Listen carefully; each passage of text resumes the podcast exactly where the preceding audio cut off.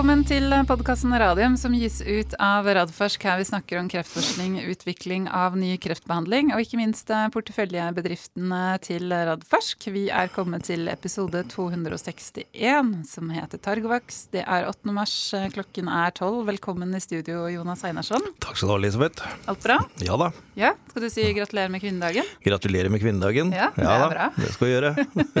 Det er en mannsdominert bransje, biotek. Det kan vi trygt slå fast. Ja, på ledelsessiden så er det det. På Ja, forskningssiden, på forskningssiden på forskningssiden så er det vel en, en hel generasjon som kommer nå hvor det i hvert fall er likestilt, om ikke bikker den andre veien. Så vi får prøve å få løfta noen opp i ledelse og styrer også, enda mer enn det vi gjør, for der har vi ikke vært flinke nok. Det er bra. Det får være dagens eh, parole fra, fra Randforsk.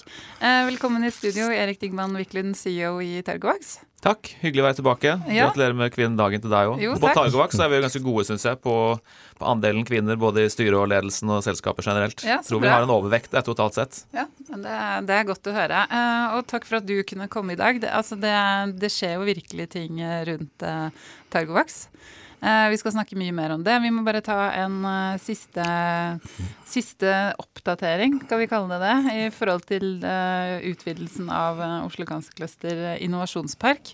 eh, som det nå har gått, eh, hva skal man kalle det for noe, storpolitikk i.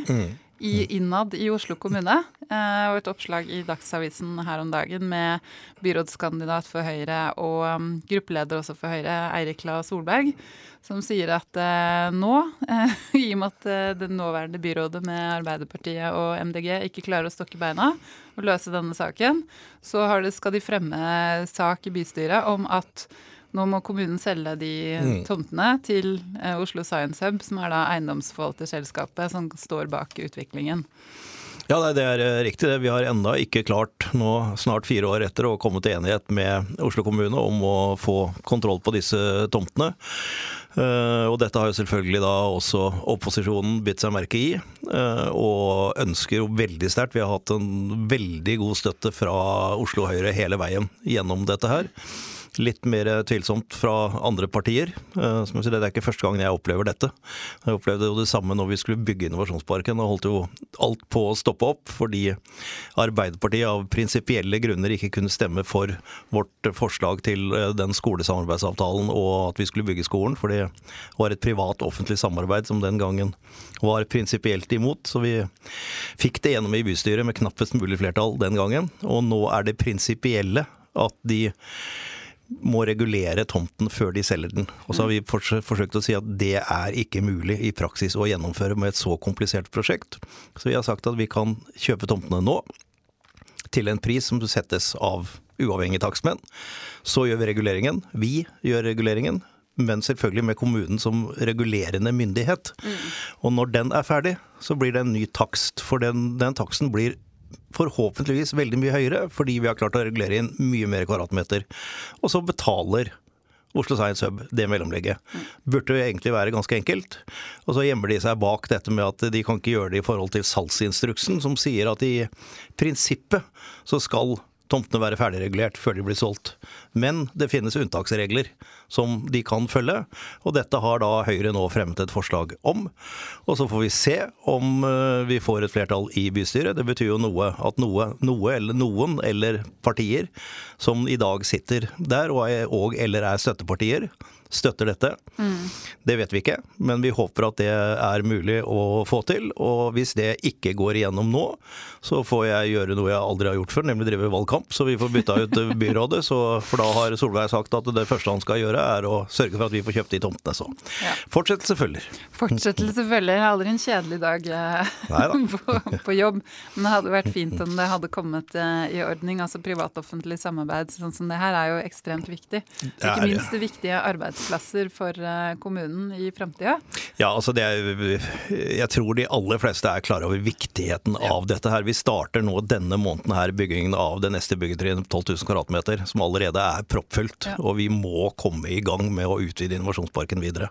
Så, men eh, der møtes altså de politiske prinsipper eh, og prinsippryttere og byråkrater mot det egentlig alle er enig i. Så vi får se om ikke fornuften seirer til slutt. Ja. Da, eh, Erik, må vi konsentrere oss om Targovax, ikke hjem, hjemlige for, eh, forhold her oppe på, eh, på Montebello. Um, dere har jo på mange måter vært eh, en av de store snakkisene i biotekmiljøet siste tida, eh, da dere gikk ut med eh, den potensielle lånefinansieringsavtalen med Atlas Capital Markets på 300 millioner kroner. Um, men det kan vi komme litt tilbake til. fordi i går kveld etter børsslutt så sendte dere ut en pressemelding om at dere har endret strategi for selskapet, og at dere framover vil prioritere den prekliniske forskningen rundt uh, sirkulært eh, RNA. Og så eh, skriver dere også at den nye strategien innebærer at dere ikke vil gå inn i en fase 2-studio likevel med Onkos 102 før dere har en partner eller ytterligere finansiering på plass. Eh, noe som eh, dere anslår vil spare dere for en utgift på omtrent 400 millioner kroner. Uh, og de to studiene med TG01 de da vil gå som planlagt uh, fordi de er eksternt finansiert, som dere skriver. da. Kan ikke du fortelle litt mer om bakgrunnen for den endrede strategien, og hvorfor dere gjør dette nå? Ja, det skal jeg gjøre. Vi, eh, jeg, kan, jeg, kan, kanskje begynne med å fortelle litt om hvordan vi har havnet i den situasjonen vi er. Vi har, vi har, tre, ja, vi har tre programmer på Targovax. Vi har TG, kreftvaksinen vår i rasmutert kreft. Vi har eh, Onkos 102, som er et onkolytiske viruset som nå er på vei inn i fase 2, som har sterke fase 1-data som vi bygger videre på. Og så har vi satt opp en ny, veldig innovativ eh, plattform innenfor sirkel-RNA. RNA har jo blitt et veldig hot område om dagen. Drevet frem av covid-vaksinene, som jo har hatt eh, massiv suksess. Og, og sirkel-RNA er neste, neste, type RNA da, som kommer igjennom. Og, og, der er vi ganske tidlig ute, vet, og vi har en unik eh, vinkling. sånn at det er, det er, noe som vi opplever veldig mye, mye, interesse rundt. Nå er det sånn at det er dyrt å drive legemiddelutvikling, og det er dyrt å være et biotekselskap. Og så er det en situasjon om dagen hvor kapitalmarkedet for bioteknologiselskaper er helt uh, tørt eh, internasjonalt. Det er ikke mulig å hente penger Eh, til, eh, til, kliniske programmer av størrelse, sånn som det ser ut nå, med noen veldig få unntak. Og vi har selvfølgelig prøvd eh, lenge, vært rundt og snakket med investorer, fått ganske mye interesse. Men internasjonalt så er dessverre problemet vårt litt at fordi aksjekursen har vært litt under press, så er markedsverdien vår lav, og, og mange ser jo at dette koster penger å drive fremover, og er ikke villig til å da gå inn med en så stor, ta en så stor eierpost i selskapet som ville vært nødvendig for å bidra med den kapitalen da, som, som, trengs for det hele. Så, så hadde, vi, hadde, vi, hatt en, en, verdi som var høyere, så hadde vi kunnet finansiere alt sammen her uten, uten noe større problem, tror jeg. Og så finnes det jo mange alternative investeringsmuligheter tilgjengelig, og da, det har vi også jobbet med siste halvåret og finne hvilke varianter kan man Hva kan man gjøre hvis, eh, hvis, man ikke kan hente penger i en emisjon, som er den vanlige måten å gjøre kapitalinnhentinger på. Og da, etter en lengre prosess, så landet vi på denne finansieringsløsningen med, med Atlas, som er et såkalt konvertibelt uh, lån som utløses over tid. Og så får vi penger, og så får de eh, konvertible obligasjoner i Targovac som de konverterer i aksjer. Så de, de, bidrar til en sikker kapitaltilgang, men ulempen med en sånn investor er at det, de tjener penger på denne finansieringsløsningen. Det er ikke en, en, en, aktør som ønsker å være en langsiktig aksjonær i et biotekselskap. Så de, de, tjener penger på selve finansieringsløsningen, at de bidrar med det, og så selger de aksjene i, i, i markedet. Mm. Så annonserte vi denne løsningen her for, eh, for, to uker siden. Og i den situasjonen som eh, vi var da, så vi har fått veldig mye spørsmål rundt knyttet til hvordan vi skal finansiere programmene våre, eh, som, som, vi, som vi da presenterte. Og under de forutsetningene som da var, så mente vi at det var realisme i planen om å gå videre med, med alle tre programmene som, som planlagt. Selvfølgelig var ikke denne finansieringen aldri tiltenkt å kunne finansiere hele selskapet og alt vi gjør, permanent.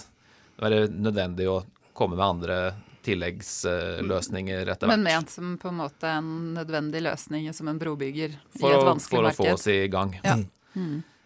Det, som, det, som, har skjedd de siste to ukene, er at uh, dessverre begynte noen større aksjonærer å, å selge seg ned rett etter annonseringen. Og, og, det trigget nok ganske at mange ble veldig usikre på om dette var en, en god løsning eller ikke. Mm.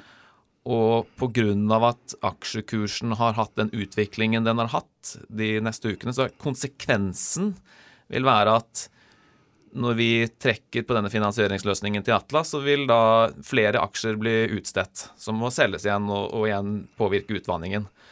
Og gjøre den vanskeligere å bruke. Sånn at gitt der vi er nå, sammenlignet med for to-tre uker siden, så er det betydelig mer krevende mm. å utnytte denne finansieringen enn det var før. Mm. Og det tar vi til etterretning. Og min og, og styrets vurdering er at uh, det, sannsynligheten Det er alltid en risikovurdering i biotek. Mm. Sannsynligheten for tre uker siden var betydelig høyere for at dette var mulig å gjennomføre, enn den er nå. Det ser mye mer krevende ut å gjøre det, og det, det forsvarlige å gjøre er derfor å, å prioritere ressursene våre.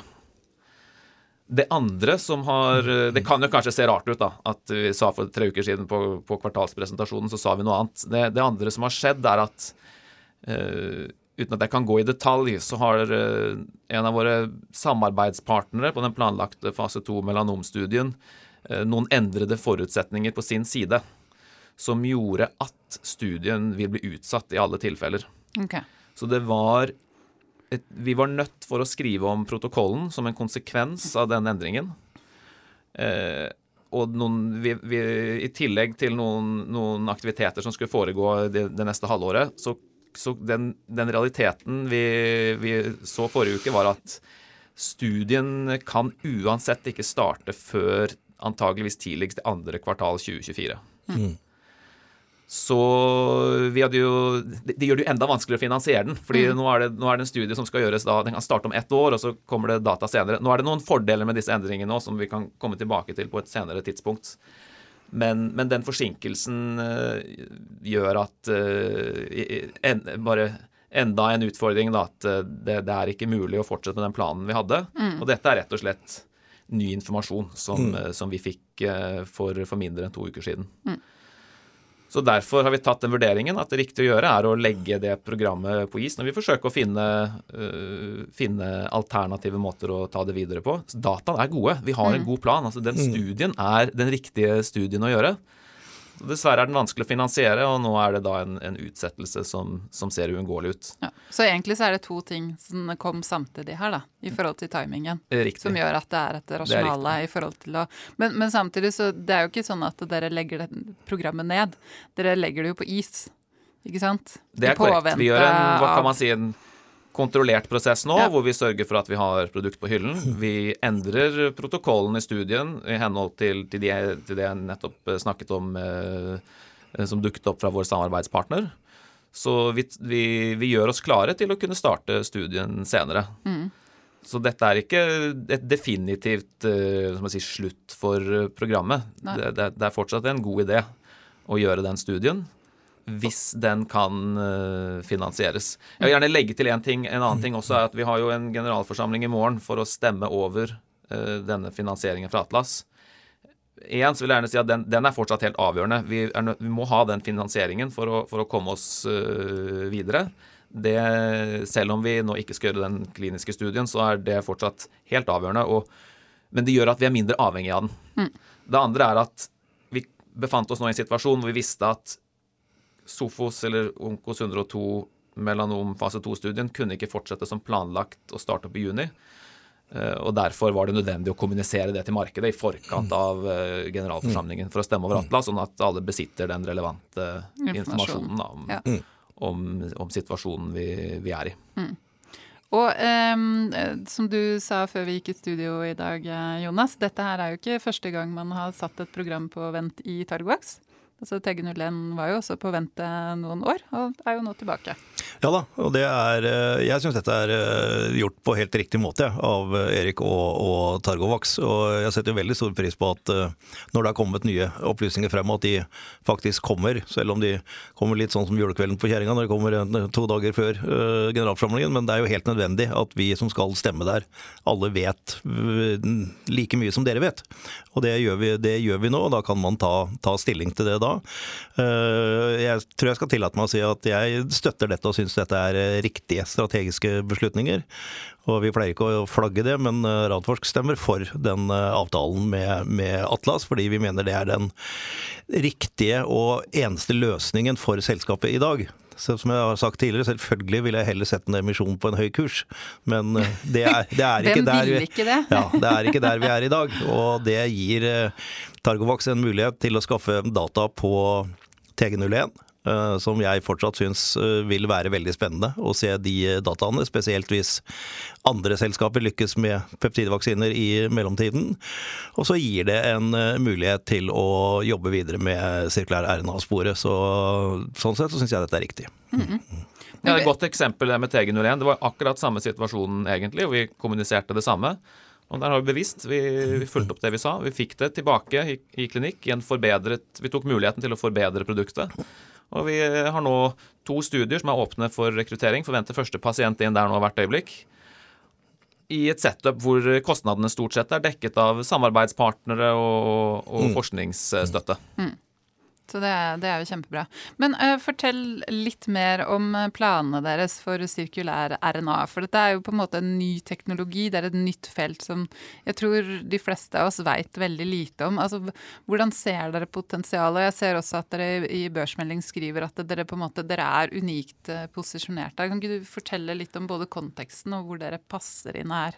Ja, det, det skal jeg gjøre. Så mRNA det kjenner jo alle til nå. Det første mRNA-produktet ble godkjent for to og et halvt år siden med covid-vaksinene. Og i 2022 var det to av de topp fire mest solgte medisinene i verden globalt var disse to mRNA-vaksinene. De solgte for over 50 milliarder dollar. Mm. Så RNA har jo, mRNA har gått fra å være eh, en drøm om eh, en mulig fremtidig medisin fra mRNA til å bli et validert kommersielt produkt. Det er dokumentert at dette virker, og det er trygt. Men det tok lang tid å komme i mål med mRNA, og det er noen grunner for det. Det ene er at delivery er vanskelig. Det andre er at mRNA er ustabilt. Det blir brutt ned veldig fort. Mm. Og det tredje er at mRNA typisk er immunogent. og Det stimulerer en immunrespons, og det ønsker du ikke når du lager en vaksine, f.eks. som covid-vaksinene.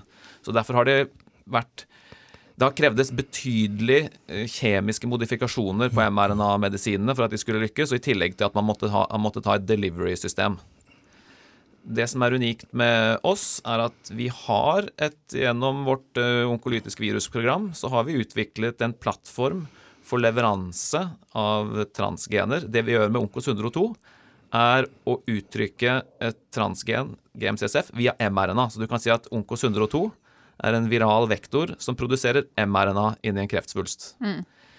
Det vi har gjort nå, er å redesigne vår, uh, vårt virale system sånn at det kan brukes til å uttrykke sirkulært RNA i stedet for mRNA. Og Det gir oss noen fordeler. Så sirkel-RNA det eh, løser noen av disse utfordringene med mRNA. Sirkel-RNA er mye mer stabilt. Og det er enkelt og greit fordi mRNA blir brutt ned fra kantene. Mm. Fra endene blir de klippet opp. Sirkel-RNA har ikke en ende, ergo det kan ikke bli brutt ned på den vanlige måten RNA blir brutt ned på. Og Derfor er det veldig mye mer stabilt inni cellen. Så du, du, unngår dette problemet med at, at mRNA er så ustabilt. Og det andre er at sirkel-RNA naturlig ikke er immunogent. Det er en annen fordel. Så du naturlig i seg selv så løser sirkel-RNA disse to problemene her. Og derfor er vi veldig interessert i det. De to mest kjente selskapene innen sirkel-RNA, de heter Orna ORNA, Orna Therapeutics, og det andre heter LaRonde. LaRonde er satt opp av de samme som står bak Moderna, Flagship. De gjorde tidenes største uh, Series A-finansiering uh, innenfor biotek for nå, var ett og et halvt år siden. De hentet nesten 500 millioner dollar til sirkel-RNA-konseptet sitt. Mm. Og Orna gjorde en kjempestor eh, forretningsutviklingsavtale med utlisensierte deler av plattformen sin til Merck, også for en, en mm. usedvanlig stor sum for et tidligfaseprodukt. Forskjellen på dem og oss er at de det de gjør, er egentlig å De gjør mRNA-play. Det, det, er mRNA, bare at de bruker sirkel-RNA. Og så gjør de akkurat det samme. De skal lage vaksiner eller syk, medisin mot leversykdommer, stort sett. Og det skal leveres som et, et syntetisk sirkel-RNA som skal injiseres i pasienten, og det må pakkes inn i, i en partikkel for at du skal kunne levere det. Typisk bruker man det som kalles LMP-er, liquid nanopart lipid nanoparticles. Uh, og, og ellers er det egentlig likt som mRNA. Det vi gjør, er at vi bruker vårt vektorbaserte system. Så vi bruker DNA-basert system. Og så gir vi cellene oppskriften på å produsere sirkel-RNA inni kroppen. Det er den fundamentale forskjellen. Mm. Det har noen fordeler. Det gjør at produksjon er enklere. eh, Det gjør at vi, har, vi slipper å bruke LMP-er til å komme inn i, i de riktige cellene osv. Og, så videre, og vi kan levere til noen andre steder enn det Orna og Laurent kan. Vi kan f.eks. levere sirkel-RNA til solide svulster. Så her har vi et felt i er ekstremt rask utvikling nå. Vi har en differensiert eh, måte å gjøre ting på. Vi gjør, vi, vi, vår sirk, vårt sirkel-RNA-program er annerledes enn de andre sitt. Det gir oss noen andre muligheter. Så har vi jo tilgang til eh, de beste forskerne i verden på dette her. Fordi jeg tilfeldigvis jobbet sammen med Thomas Hansen på, på doktorgraden min, og vi, vi snublet over dette her. Så forsket jo han videre. Så han er nok antakeligvis den mest erfarne sirkelæreren av forskeren i verden. Så det gjør jo at vi kommer fort fram, da. Vi, vi kan ta beslutninger raskt. Eh, og her ser vi nå en mulighet for at her er det veldig mye interesse. Dette er noe som er Big Pharma og investorer internasjonalt er, er kjempeinteressert i. Vi sier at uh, kapitalmarkedet for biotek er dårlig, men faktisk for RNA-selskaper så økte uh, deal-volumet i 2021 og 2022. 50% av det deal-volumet er til sirkel-RNA. Så dette her er det dette er det bransjen er, eh, ser på som en, en ny mulig Neste- neste, neste, frontier da, ja. mm. Innenfor eh, for RNA-behandling. Og vi, vi, vi det, det toget, det går nå fra stasjonen. Og det akter vi å være med på. Så nå hopper vi på det toget. Mm. jeg bruker jo 80-90% av tiden min på ting som har å gjøre med finansiering eller klinisk utvikling og Onkos 102 osv. Så, videre. så det faktum at vi nå prioriterer sirkelærerne, gjør at jeg og også mer av teamet vårt kan bruke mye mer av tiden vår på dette. Det gjør at vi kan fokusere alle ressursene våre på å drive sirkelærerne-programmet frem istedenfor. Og jeg tror nok at veien til verdiskapning for aksjonærene er nok kortere der. Fordi der er det snakk om å generere inn vivo-data, IP, komme seg til eh, kanskje få gjort en preklinisk avtale, heller enn et langt løp mot data fra en klinisk studie, som selvfølgelig er veldig viktig for å komme seg nærmere en godkjenning i fremtiden. Men, men det tar tid, og det, det koster mye penger. Så dette er billigere. Det går fortere. Og på den måten mener, mener vi at det nok beskytter aksjonærenes interesse på, på best mulig måte, gitt den situasjonen vi nå er i. Du har en kommentar, eller? Ja, nei, altså Jeg syns dette er, er veldig spennende. Og det er klart sånn eh, når man gjør noe annerledes enn noen andre har gjort før, er jo litt sånn Radforsk-stilen. Det er, det, det er den, den type ting vi må være med på. Og da er selvfølgelig risikoen høy, fordi man er i en tidlig fase. Eh, Men eh, gevinsten er også veldig høy hvis man lykkes. Og jeg er jo helt enig med, med Erik at når jeg var på den 360 immunologikonferansen i New York, så ble jo dette nevnt en del ganger, for å si det forsiktig, sammen med personalisert uh, kreftvaksiner, som kanskje det som uh, Big Pharma er mest på jakt etter nå. Uh, og det er klart at selve biotek-markedet er helt riktig, både her i Norge og internasjonalt, er veldig, veldig trangt og vanskelig nå. Men det er ikke på mangel på penger. Altså både, både Big Pharma, både deres investeringsarmer, selve selskapene og de store ventureselskapene sitter på masse penger som de må sette i arbeid. Spørsmålet er bare når de gjør det, og på hvilke områder. Men uh, dette er innenfor et av de virkelig hotte områdene, så det er helt avhengig av hva de, hva de viser, og hvordan de klarer å overbevise disse som trenger den type teknologi at det fungerer. Hvis det fungerer, så tror jeg dette er et eh, kjempecase, men eh, det gjenstår å se.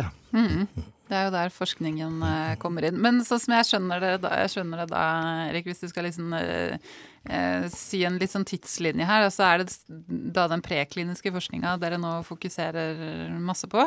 Og da den foregår ved Karolinska, ikke sant? Det er riktig. eh, Det, hvor så dette har vi satt opp i. Stockholm. Hele Ja. dette teamet er i, i Stockholm og, og jobber der. Så det er klart, Stockholm blir jo nå da en, kanskje en viktigere hub for oss fremover, og, og kjernen av det vi, vi driver med. Så jeg vil jo bruke mye mer av tiden min der da, fremover.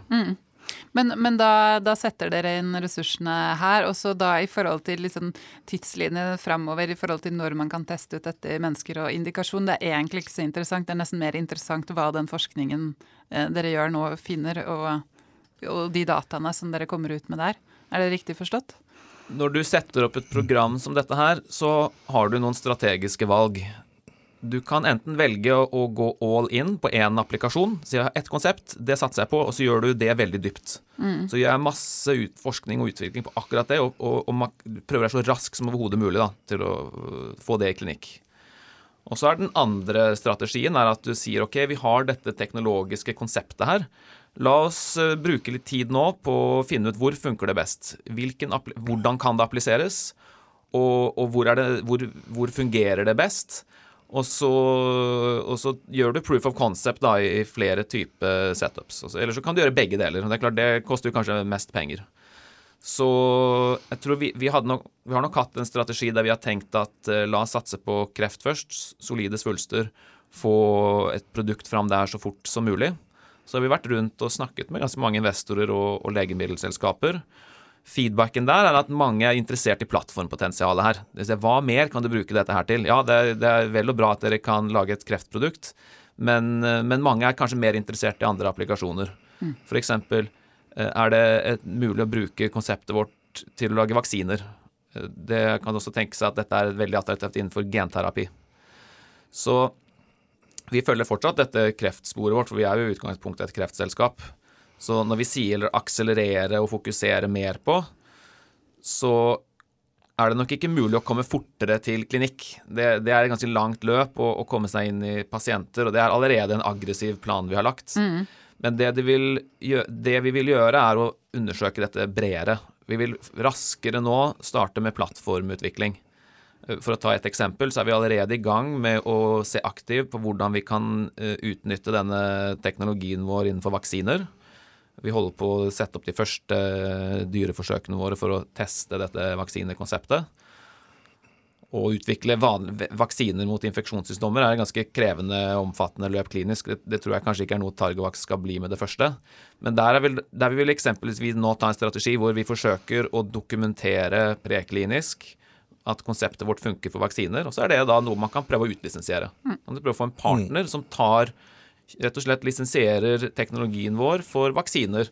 Og, og, og tar den videre på den måten. Og Her finnes det flere områder også. Vaksine er det første eksempelet, men vi ser nå aktivt etter flere sånne typer sykdomsområder da, hvor vi kan, hvor vi kan undersøke hvor, hvor godt dette virker. Jeg tenker at Hvis man eh, har litt lyst til å skjønne litt av disse strategiske utfordringene, og hvordan man løser det når man har en teknologiplattform, så kan man se litt på historien til uh, Nycode, tidligere si. Altså vi, vi var i den samme situasjonen for en del år siden, Mm.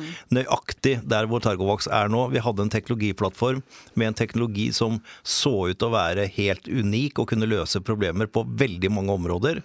Men for å få interesse for det, så måtte vi fokusere, og gikk da for denne livmorhalskreft, og få den ut i klinikk.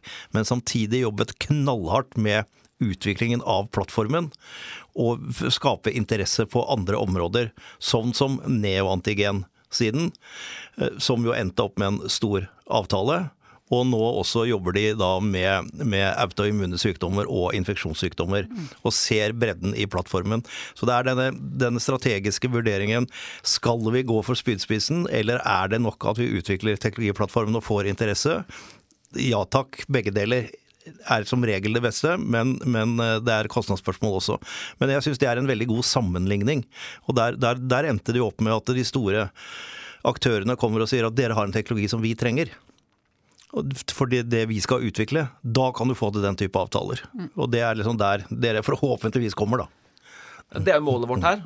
Og vi ønsker å vise at dette har plattformpotensial. Og da må vi vise at det virker i flere setter, både ved bruk av flere vektorer. Nå bruk, vi begynner med et sånt virus Onkos 102-lignende eh, setup, men vi er godt i gang med å teste andre. Vår kjerneteknologi er den, som man sier, det DNA-fragmentet, oppskriften, som vi setter inn i en vektor som genererer sirkel-RNA inni pasienten.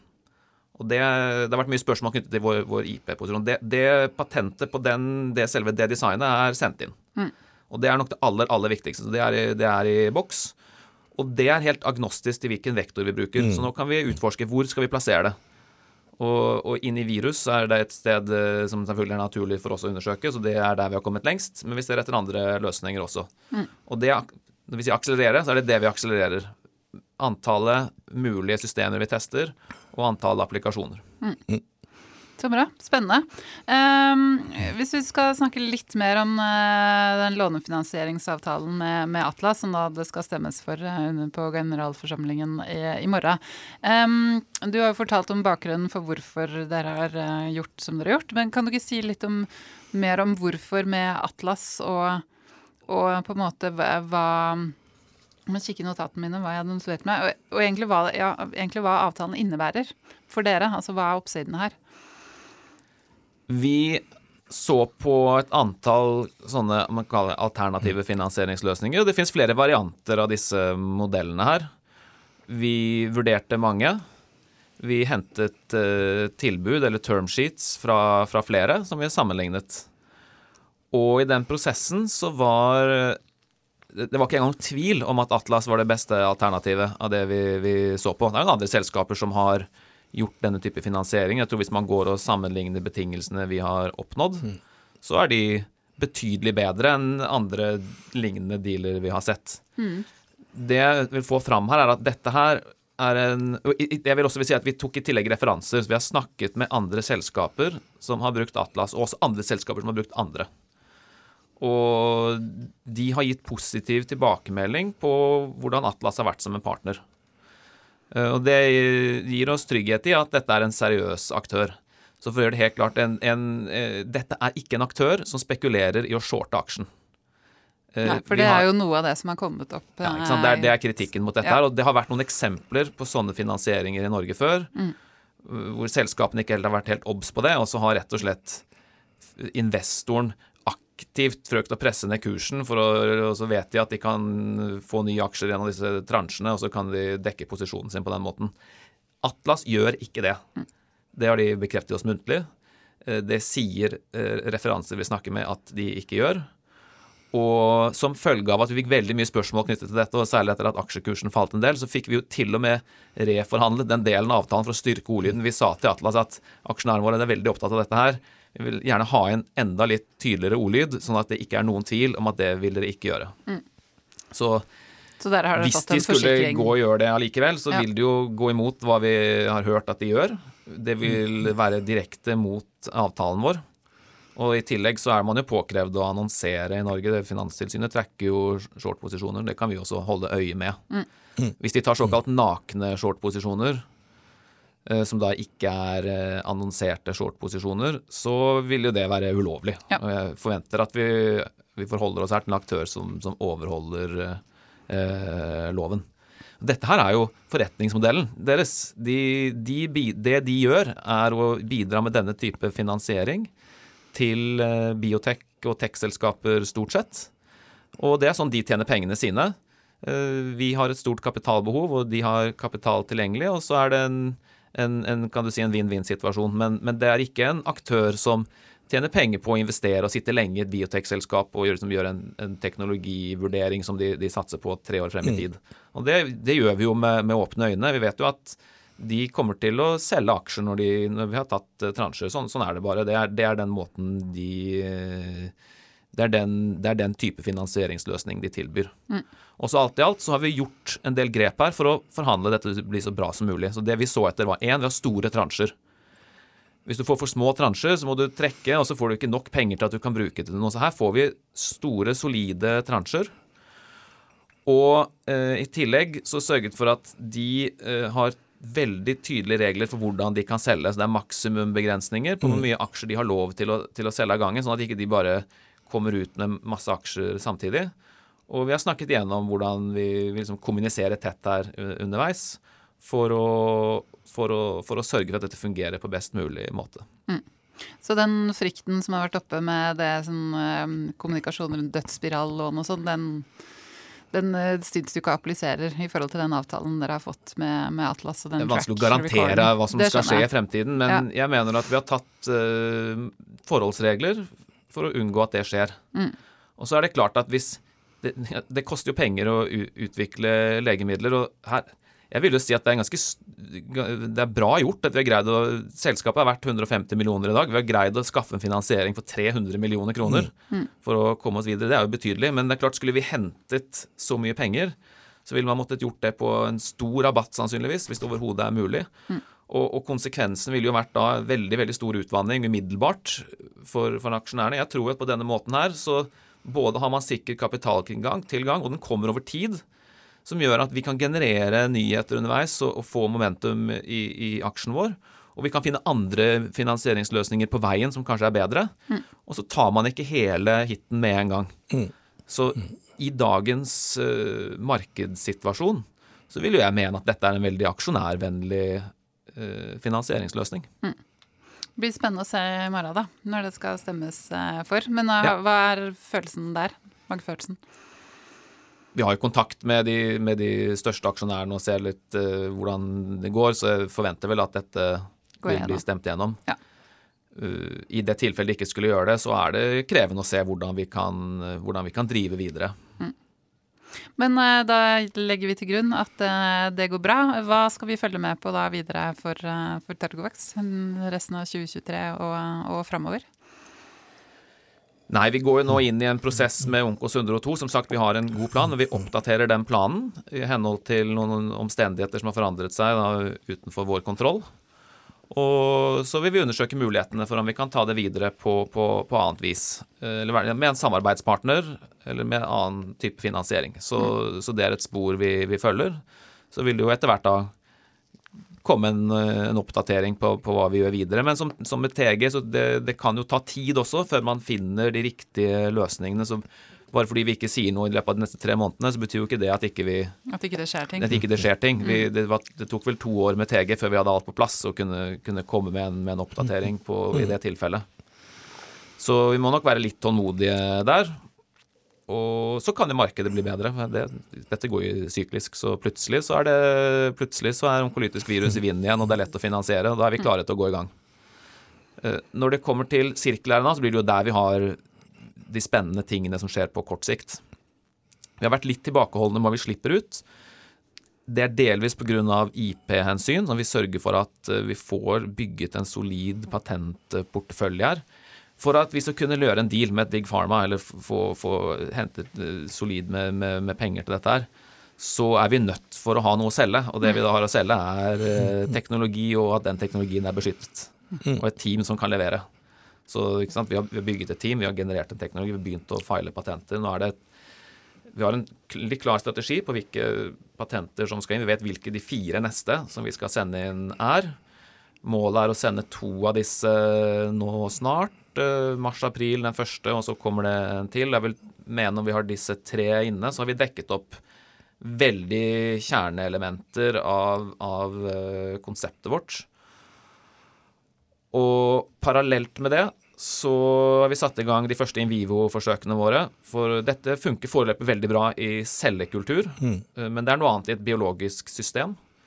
Eh, så da gjør vi såkalte proof of concept-studier, som går mer på Ikke nødvendigvis at de kurerer en sykdom. Disse forsøkene går mer på å vise at vi oppnår en fordel. Det funker. Vi kan lage sirkel-RNA inn i, i en mus, og at du oppnår en fordel mot mRNA. Så det er kan si, eksperimenter der vi vil sammenligne head to head mot, mot mRNA og se om de fordelene vi ser i cellekultur, er overførbare til, til in vivo. Mm. Men uh, det, det, setter vi i gang nå. og Det er alltid vanskelig å forutse hvordan eksperimenter går. Ofte så sitter du igjen med flere spørsmål enn svar etter et eksperiment. Så ja, vi setter det i gang. De første dataene vil vi ha i løpet av andre kvartal, jeg tror mai-juni. Men det er ikke sikkert at det er data som på det tidspunktet gir mening å kunne å kommunisere. Det kan være at vi er nødt for å følge opp, vi må, vi må endre noe i eksperimentet, vi må gjøre noe eh, Teste en annen dose eh, osv. Eller kanskje vi, kanskje vi, finner noe helt genialt som du må få patentert. og Da kan mm. du ikke si noe før du får det sendt inn. Mm. Og dessuten så er det et kompetitivt element. Vi ønsker jo ikke å fortelle for mye detaljer om hva vi gjør, for da kan vi jo bli kopiert. Særlig før vi har patentporteføljen i, i, en posisjon. Mm. Så tro, vi, vi, har solide planer, og vi tenker nøye gjennom det. Og det er en grunn for de tingene vi gjør. Og det, hvis vi er tilbakeholdne med informasjon, så er det også en, en, grunn for det. Men det er fordi vi mener det er det riktige eh, å gjøre for å beskytte dette framover. Mm. Det er jo greit å minne om da, da, at eh, når du har sendt inn en patentsøknad, så kan du ikke gå ut og si hva den uh, innebærer. Fordi det er det du absolutt ikke vil. For du har et år da hvor du skal nettopp gjøre disse eksperimentene og fylle på med masse mer data for å sikre patentsøknaden. Så er det jo først når den blir offentliggjort at du får vite hva som er i den. Så jeg skjønner at folk er nysgjerrige liksom, hva, hva er det dere sender inn patent på i mars-april, men det kan man altså ikke, ikke kommunisere. Nei. Det er et veldig godt poeng. En, man sender inn en patentsøknad såkalt PCT-søknad. og da har, da, da, si, da har, du sagt 'jeg har dette', og jeg har sendt det inn. Da har du kan du si, dekket, inn, eh, dekket deg nok, og i det minste liksom fortelle litt mer om hva du driver med. Men som Jonas sier, den søknaden er da hemmelig. Litt varierende 12-18 måneder er den eh, mm. skjult. Mm. Og da har du muligheten for å fylle på data. Og så Etter det så blir den publisert offentlig, og da kan andre lese den og, og, og komme med spørsmål eller utfordre. Og, så det viktige er å få den inn. Da har du, liksom, da har du i hvert fall liksom, mm. markert territoriet ditt. Mm. Men det er ikke før om da Den første vi sendte inn, sendte vi i desember. Det er ikke før neste desember og etter det at ting begynner å bli offisielt av hva som faktisk er der. Mm. Og det er det jo en grunn til, si. For ja. at dere skal fortsette å kunne jobbe med dette her uten at andre Ja, selvfølgelig. Og så får får patentadvokatene våre Vi jobber med et tysk selskap ZSP, som er også patentadvokaten til BioNTech. Mm. Så de som dette var så spennende at de jobber for oss, de er jo dypt inne i hjemmeværende, har vært med på BioNTech helt fra starten. Mm. Så dette, dette, er jo en veldig god diskusjonspartner for oss, og de hjelper oss med, med denne strategien. De argumenterer veldig for Hold igjen, Erik, ikke, ikke si noe. Men vi prøver jo å være Vi er jo et børsnotert selskap, så vi må fortelle folk hva vi driver med, med, med også. Ja. Til sammenligning, Orna og Laron, som jeg nevnte før, hadde holdt på i tre-fire år før de i det hele tatt annonserte at selskapene eksisterte. Mm. Så liksom, husk på at dette, vi startet med dette for januar i fjor. Mm. Ansatte, vi har bygget opp dette fra, fra bunnen på nå 15 måneder. Så jeg syns vi har kommet veldig langt på så kort tid. Og så skjønner jeg at folk er utålmodige, men vi, vi må også ha noe arbeidsro her, da. Mm. Eh, så oppsummert fra det, så tenker jeg sånn at det, det at man nå framover ikke hører noe fra Targovax, det er egentlig en god ting vi kommer selvfølgelig til å komme med nyheter og, og fortelle, men, men uh, vi, vi, må balansere mange interesser her. Mm. Og jeg, selvfølgelig er en viktig, en viktig faktor er jo å, å fortelle våre, våre, aksjonærer hva vi gjør. Mm. Uh, vi har fått inn en del spørsmål. Uh, vi har sikkert uh, kommet inn på svaret på en del av de allerede, men vi kan begynne. Og så hopper vi over de som vi har vært innom. Men det er en som påpeker at dere tidligere i guidelines for sirkulær RNA-programmet har guidet på prekliniske deal i Q4 2023 og oppstart klinikk 2025. Og så skriver vedkommende gitt ordbruken om akselerasjon fra gårsdagens eh, børsmelding, dvs. Si guiden på økt fart i forhold til tidligere informasjon, hva kan markedet nå forvente? Så det tenker jeg går direkte på de tidslinjene som dere har guidet på før. Som jeg sa tidligere, tidslinjen for å komme oss til eh, klinikk er det vanskelig å akselerere. Den er allerede aggressiv. Når vi sier å akselerere, så betyr det gå bredere ut. Vise plattformpotensialet. Mm. Teste flere applikasjoner. Prøve å, å gjøre oss attraktive for, for, samarbeidspartnere. Og i tillegg at vi bruker Jeg vil nå bruke mye mer av tiden min på sirkelærerne, og det samme gjelder andre selskap også. Så, mm. så det, det, er det vi sier når vi, når vi sier akselerere. Ja, Så egentlig en bredding, ikke, en, ja. ikke nødvendigvis en akselerasjon i tid. Det var et spørsmål om en, om en avtale der òg. Vi guider ikke på at vi skal gjøre en avtale. Det er umulig. Det, det, vet man aldri når det kan skje. Og mange ting skal klaffe for at det skjer. Mm. Når det er sagt, så, så, vil jeg si at når vi har eh, en, en viss kjerne-IP på plass her, det tror jeg vi har i løpet av dette halvåret, og når vi har en in vivo-datapakke som er sterk nok Det kan vi i teorien ha i midten av året, men kanskje vi må repetere noe eksperimenter, det tar litt lengre tid. Det, det er uforutsigbart. Men når vi har det i orden, så vil jeg heller legge det fram sånn at da har vi eh, da har vi IP og data som det er mulig å gjøre en avtale på. Mm. mm. Da kan man gå ut og kredibelt eh, diskutere eh, lisensieringer eller utvikle, samarbeider osv. som, som eh, kan innenfor spesifikke områder, eksempelvis. Og det vil vi da naturligvis utforske. Altså, sånn prosess tar jo en stund. Så, så det tar et, kanskje et halvt år da, fra du begynner aktivt med det til du har landet det. Så Q4 er nok eller det tidligst mulige. Men la oss si at i 2024 så vil jeg jo mene at det er eh, absolutt veldig realistisk at vi kan få til en, en avtale. Og det vil vi jobbe for å få til. Så bra. Eh, neste spørsmål er Her har vi nok vært innom mye, men du kan tenke på om det er andre ting som du har lyst til, eh, eller har, eh, har mulighet til å tilføye her. Eh, selskapet har nå i stor grad satt alle midler på ett lodd, altså sirkulært RNA. Per tidspunkt har selskapet informert aksjonærene særdeles lite om progresjon og hva slags resultater som foreligger, og aksjonærene må derfor stole blindt på hva som faktisk blir formidlet. På hvilket tidspunkt vil selskapet gå ut i markedet og i større grad vise hva slags resultater som foreligger, fortelle om nåværende og kommende IP-strategi og gi en tydeligere vei videre? Vi vi. svarte vel egentlig på det spørsmålet i ganske stor grad Jeg nå tror nettopp. Erik. Erik i stor grad har, Ja, har eh, mer om ja. det var noe ytterligere å tilføye, som Ja. jeg sa. Nei? Nei. Nei. vi kommer til å komme med mer eh, data og informasjon her etter hvert, og, og, og utviklingsstrategi. Eh, Og det vi holder tilbake, holder vi jo tilbake av, av eh, kan man Strategiske si, strategiske og, og IP-hensyn. da.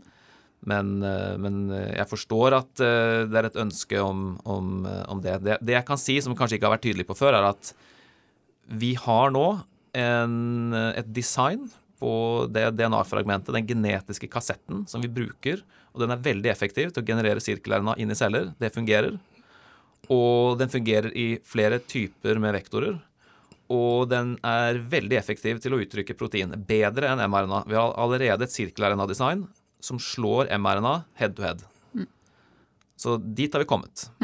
Og det, det er også noe vi har i hvert fall forsøkt å kommunisere, men det er, det er jo ikke, det tekniske data er jo krevende og, Ja.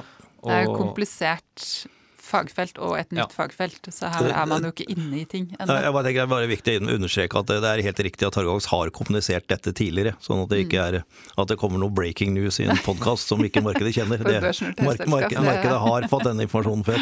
Ja. Så sett det settet på at virker. Det, og fordi vi har tilgang, da, som en veldig erfaren forsker her Det jeg tror vi ville brukt tre-fire år på å finne ut av, fant vi ut på andre forsøk. Fordi at uh, vi Visste har eksperter på dette her som har veldig mye erfaring, Ja. og som raskt kunne ta gode beslutninger. Mm. Neste spørsmål er guidingen rundt eh, Yoaxis-avtalen blir stadig forskjøvet, og det er gjentagende henvisning til overraskende regulatoriske krav. Kan Erik fortelle om hva som har blitt gjort, hva som gjenstår, og har det blitt ytterligere krav underveis, og om det i det hele tatt er realistisk at opsjonen blir utøvd? Det pågår nå eh, museforsøk eh, i Kina i regi av Ayavaxis for å tilfredsstille myndighetenes krav. De vil, eh, så vidt jeg forstår, eh, på Ayavaxis være ferdig i, i tredje kvartal og sendes inn til myndighetene. De har indikert til oss at eh, en gang utpå høsten så har de da sendt inn Jeg vil ha en dialog med kinesiske myndighetene. Og det myndighetene sier, er at hvis de dataene er som forventet, så vil den IND-en, altså søknaden om å få starte kliniske studier, bli godkjent. Nå, nå er det vanskelig for meg å si noe på vegne av Ayavaxis, men de har lagt betydelig med både tid og penger i å tilfredsstille disse kravene her. Og det tyder jo på at de er veldig interessert i å få dette over i pasienter. Eh, Vi har også de, de har jo filet på at de skal bruke Games SF som adjuvant, men vi har i mellomtiden byttet til QS21, og det er også en pågående dialog om de vil bruke QS21 i- istedenfor Iovaxis har også den oppfatning at det nok er et bedre alternativ. Så det er også et spor da som, som følges opp der. Mm. Men, eh, men eh, ja, det har vært så mye det har vært så mye ting som har skjedd i det prosjektet at jeg vil ikke love noe, men eh, jeg tror jo at, eh, og forventer at eh, hvis dette går i orden, så vil de ønske å ta den opsjonen. Og vi har latt de få den forlenget, i og med at de har brukt såpass mye ressurser på dette. Ja. Men la oss si at det som beste fall er i Q4, da. Eh, noen spørsmål om TG01. Er studien i Oslo startet opp? Både studien i Oslo og i, på Kansas University i USA er åpne. Eh, og screening etter pasienter pågår. Det var noe regulatoriske forsinkelser, for det har vært byttet system eh, regulatorisk hos, hos EMA som har gjort at ting tok litt tid og lengre tid å komme gjennom mølla og få produkter på plass på sykehus og sånn, men så vidt jeg vet nå, så er det bare det er om å gjøre å finne pasient, så er de inne i studien. Alt, er, alt er klart til, til, det, men vi har ikke dosert den første pasienten ennå. Det, det, vil vi annonsere når vi gjør. Mm. Mm. Neste spørsmål er hvordan rekrutteringen er i USA, men det Vet du, ja, den, den, er jo i, i, gang, i gang, med ja. screening ja. nå. Der er det. Det som er med den studien, er at det er pasienter med bukspyttkjertelkreft som mm. har blitt operert. Og så skal de gjennom vanlig cellegift, adjuvant cellegiftbehandling. Og så etter den skal det gjøres en CT-DNA-analyse for å se om de er CT-DNA-positive. Og de som er CT-DNA-positive, de går inn i studien. Og så må de ha rask mutasjon. Så akkurat i den studien så er det litt mer omfattende. Du, skal gjennom en, del steg, og du skal eh, screenes, og så kommer du inn. Sånn at det, det å finne pasientene tar noe tid, da. Ja. Um, mitt, mitt, spørsmål oppi disse spørsmålene Kommer dere til å gjøre som Ultimovax og guide eller fortelle om uh, rekrutteringen, som de gjør på kvartalsrapporter? Jeg, vil jo mene at det er et litt det er kanskje mer relevant i senere fase utvikling, hvis du driver med en pivotalstudie, at, at rekrutteringstakten er det som er viktig. Jeg tror ikke vi har noen Det er jo heller ikke studier som er sponset av Targovax, det er jo eksternt sponsede studier, så, så vi kommer ikke til å formelt guide på eksakt hvor mange pasienter Nei. som er i disse studiene, men vi vil holde markedet oppdatert med når vi forventer data. Mm. Her er ikke vi som er sponsor, og det er ikke vi som det betyr at det ikke er vi som er ansvarlig for studien. Vi, vi er en bidragsyter til studien. Så Det er klart det begrenser jo også litt hvor mye press du kan legge på andre her. da, til å, Det er lettere på en egen studie at du liksom pusher på og gjør alt du kan og åpner nye sykehus og mm. forsøker å, å, og, og makse ut rekrutteringen og, og guider på det. Men, mm. men det, det, føler jeg ikke er eh, noe man kan gjøre i en sånn type studie som vi har planlagt her. Nei. Neste spørsmål er nettopp når kan vi forvente data fra disse studiene? la oss si om et års tid, at vi begynner å få meningsfulle data. Så det er klart Før det vil komme noe safety-data og immunresponser og sånn før det, men eh, et, et, år etter vi har første pasient inn, vil det nok ta i hvert fall før man ser konturer av data som, eh, som er meningsfulle. Mm. Eh, og siste spørsmål. Vil utsettelsen av Onkos påvirke samarbeidet og avtalen dere har med Agenus? Vi er naturligvis i tett dialog med Agenus. Vi har jo også et samarbeid på TG med dem. Mm. Så la oss se hvor, hvor, hva utfallet her blir. Men det er klart, vi hadde jo en felles plan om å gjøre en studie som skulle starte i juni, og skulle, den skulle drives og betales av Targovax nå. Og nå har vi endret våre planer, så da må vi jo diskutere med dem hvordan vi, vi ser dette programmet fremover. Mm. Så bra. Men så vidt vi vet, så er dette en studie som de er svært interessert i. fordi de har jo nye sjekkpunkthemmere, og melanom er ganske krevende å komme inn i med nye sjekkpunkthemmer, fordi BMS og Merck eier veldig det territoriet. Så jeg tror vi tilbyr en mulighet her for å finne kan man si, en bakvei inn i, i melanom for dem, for deres sjekkpunkthemmere, som er interessant. Så, så, dette er jo en studie som de også er interessert i, og de har jo også egne planer innenfor melanom mm. som er passer sammen med våre planer. Mm. Veldig bra. Takk skal du ha. Uh, har du noe å tilføre? Nei. Tilføye, heter det.